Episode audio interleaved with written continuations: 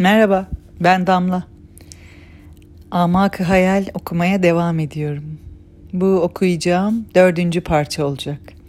Raci'nin maceralarına devam ediyoruz. Bölümün adı Devri Daim. Şöyle başlıyor. Bugün de geçen iki gün gibi ney sedasıyla mest oldum. Kendimi 12 yaşında bir çocuk olarak gördüm. Büyük bir şehrin muntazam bir sokağında, büyüyecek ve güzel bir evde oturuyorduk. Henüz uyumuştum. Güneşin altın ışınları, güzelliğinin nurlarının yansıdığı eşyayı henüz okşamaktaydı. Yatağımdan kalkacağım sırada odamın kapısı açıldı. Bir cariye babamın beni beklediğini söyledi. Kalktım. Cariyenin peşi, peşi sıra yürümeye başladım. Büyük bir odaya girerek babamla görüştüm. Babam 110 yaşında bir ihtiyardı. Sanskritçe konuşuyorduk. Babam dedi ki, Oğlum, yaşın 12'yi buldu. Artık kendini ve kainatı bilecek zamanın geldi. Seni büyük üstada götüreceğim. Şimdi hikmet devrisini bulduğundan memnuniyetimden üç gün üç gece düğün yapacağım. Sen bu düğünde hizmet edeceksin. Sana rehber olacak, kalfanı göreceksin.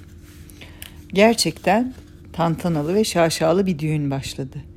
Birinci gün bütün Brahmanlar ve memurların ileri gelenleri.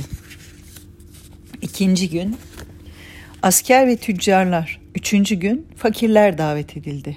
Bu üç günde ben misafirlere hizmet etmekteydim. Üçüncü gün 80 yaşında bir fakir bana kalfı tayin edildi. Dördüncü gün erkenden babam bizi yola çıkardı. Rehberim bir merkebe binmişti. Ben ise arkasından yaya yürüyordum. Rehberim dedi ki, Oğlum, ilim ve hikmetin kıymetini öğrenmek için yaya gideceksin.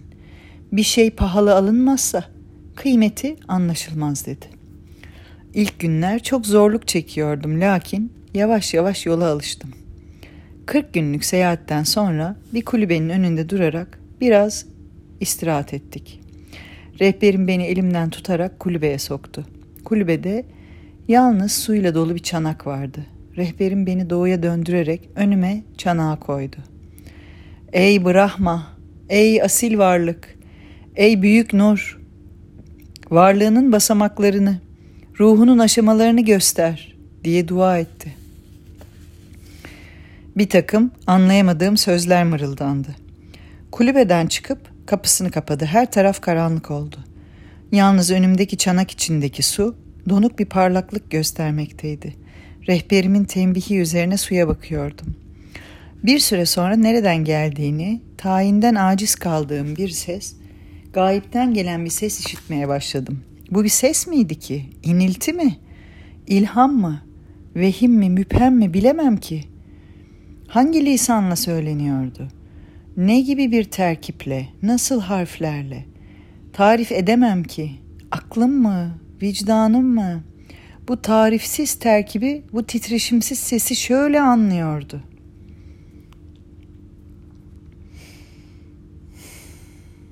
Ey zayıf ı, bezmi vücut, anla nedir sırrı şuun. Yok demi vahdette hüdut, her ne desem namı anın. Cümlede o nokta nihan, gahi esir, gahi cihan. Mevtü hayat camı anın, gahi güneş, gahi kamer. Gahi matar, gahi sehap, kendi ateş, kendi şihap. Kendi gece, kendi seher. Gahi hacer, gahi nebat. Gahi nemli, gahi eset, kendisi ruh, kendisi ceset. Kendi hayat, kendi memat. Devr ile Adem olacak. Kendini kendinde bulur. Mutlak ile nokta olur. Adem imiş, mazharı hak. Türkçesi de şöyle. Ey varlık meclisinin misafiri, anla nedir olanın bitenin sırrı. Vahdet anının sınırı yok, her ne desen onun adı. Her şeyde o nokta gizli, bazen esir, bazen cihan.'' Ölüm ve hayat onun kadehi, bazen güneş, bazen ay.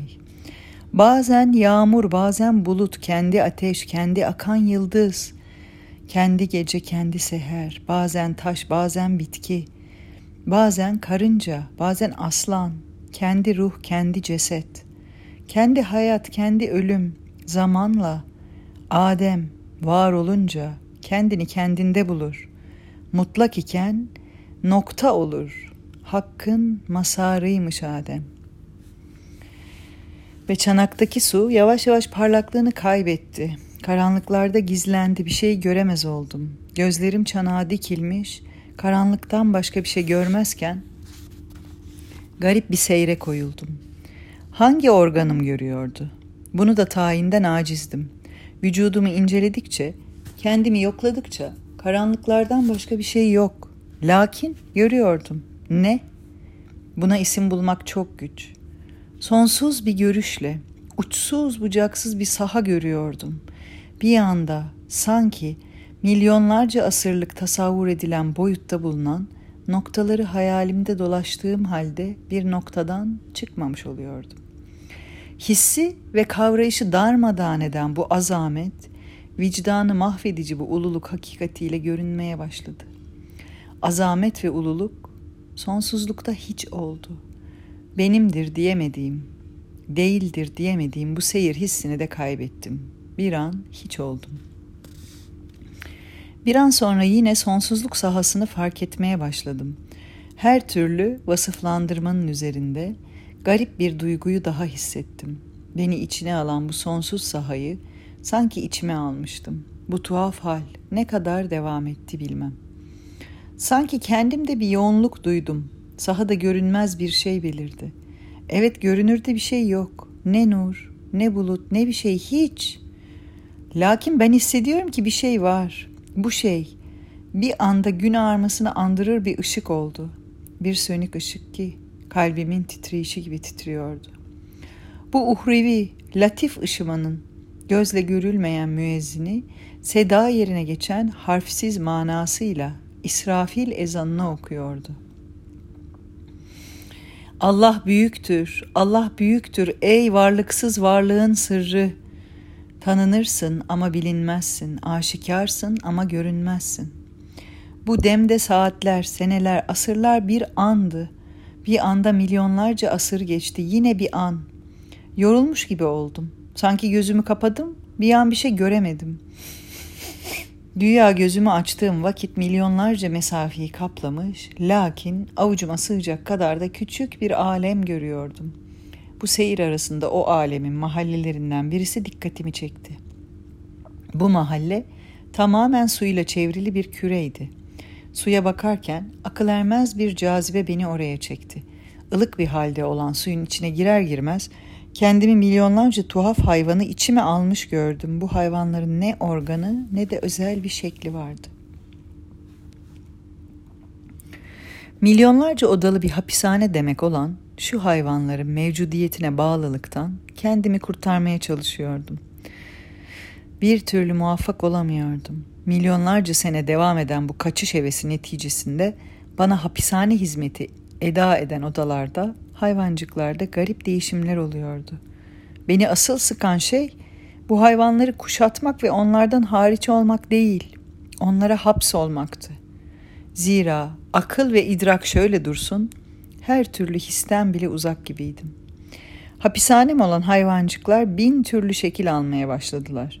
Artık benim için bir gün hükmüne girmiş, olan binlerce asır geçişinde her şekil başka bir gelişim gösteriyordu.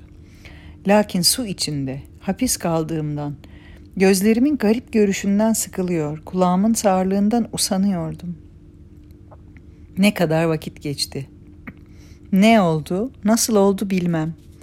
Bu defa kendimi yalnız denizde değil, karada da birçok hayvanın vücudunda gördüm. Temiz havanın ciğerlerime nüfusunu hissettikçe oluşan keyif ve zevkten vecde gelerek Milyonlarca bedende koşuyor, oynuyordum. Belirsiz fakat hakiki bir muhabbet hissi bütün bedenlerimi istila etmişti. Her ne kadar gördüğüm şeyleri özel bir muhakemeyle anlayıp kavrayamıyorsam da bunların varlığını hissediyor ve bana zararı olmayanlarını seviyordum. Her an milyonlarca bedenim etkisiz kalıyor, şekil değiştiriyor, madenlere dönüşüyor ve yerine milyonlarcası var oluyordu.'' Lakin bu devirlerdeki varoluşun eskisi gibi birer belirsiz sebebi olmayıp bedenlerin birbiriyle manen birleşmesinden, bir sevgi anında iki bedenin tuhaf zevke dalıp kalmasından ileri geliyordu. Her ne kadar henüz ne yalnız erkek ne yalnız dişi bir bedenim yoksa da her bedenim hem dişi hem erkek sıfatına sahip olduğundan her biri kah baba, kah ana, hem baba hem anaydı. Bana mahsus günlerin birbirini izleyip devam etmesi neticesinde hapishanelerim olan bedenler o kadar çoğalmış ve çeşitlenmişti ki bunlardan bazısı diğerlerine görünüşte kesinlikle benzemez bir şekildeydi. Bazısı gözle görülmeyecek kadar küçük ve ilkel, bazısı havada uçar, bazısı yerde sürünür. Bazısı büyük, heybetli, bir takımı latif ve akıllıydı. Bu bedenlerin bir kısmı diğerini yemeye istekli, bir kısmı güçlü, diğeri güçsüzdü. Alem bir savaş alanı olmuş, bedenler arasında rekabet ve çıkar bir kural haline almıştı. Ne kadar zaman geçti, neler oldu? Bir gün bir bedende hapsolduğumu hissediyor gibi acı bir hisle inlerken sanki bütün evrenin her zerresine geçici emanet olan sırlar birer birer o bedende toplanıyordu. Diriltici, manevi bir nefes. Renksiz, yersiz bedenimi kaplayıp ele geçirdi. Doğuya dönmüş, yüzümü ağarmaya başlayan altın ufka çevirmiştim. Her zerre sanki beni selamlıyor. Her taraftan burnuma amberli koku geliyor. Bütün hüviyetim bir sevgi anlamının tesiri altında titriyordu. Kendimi biliyor, etrafımı hem görüyor hem de gördüğümü fark ediyor.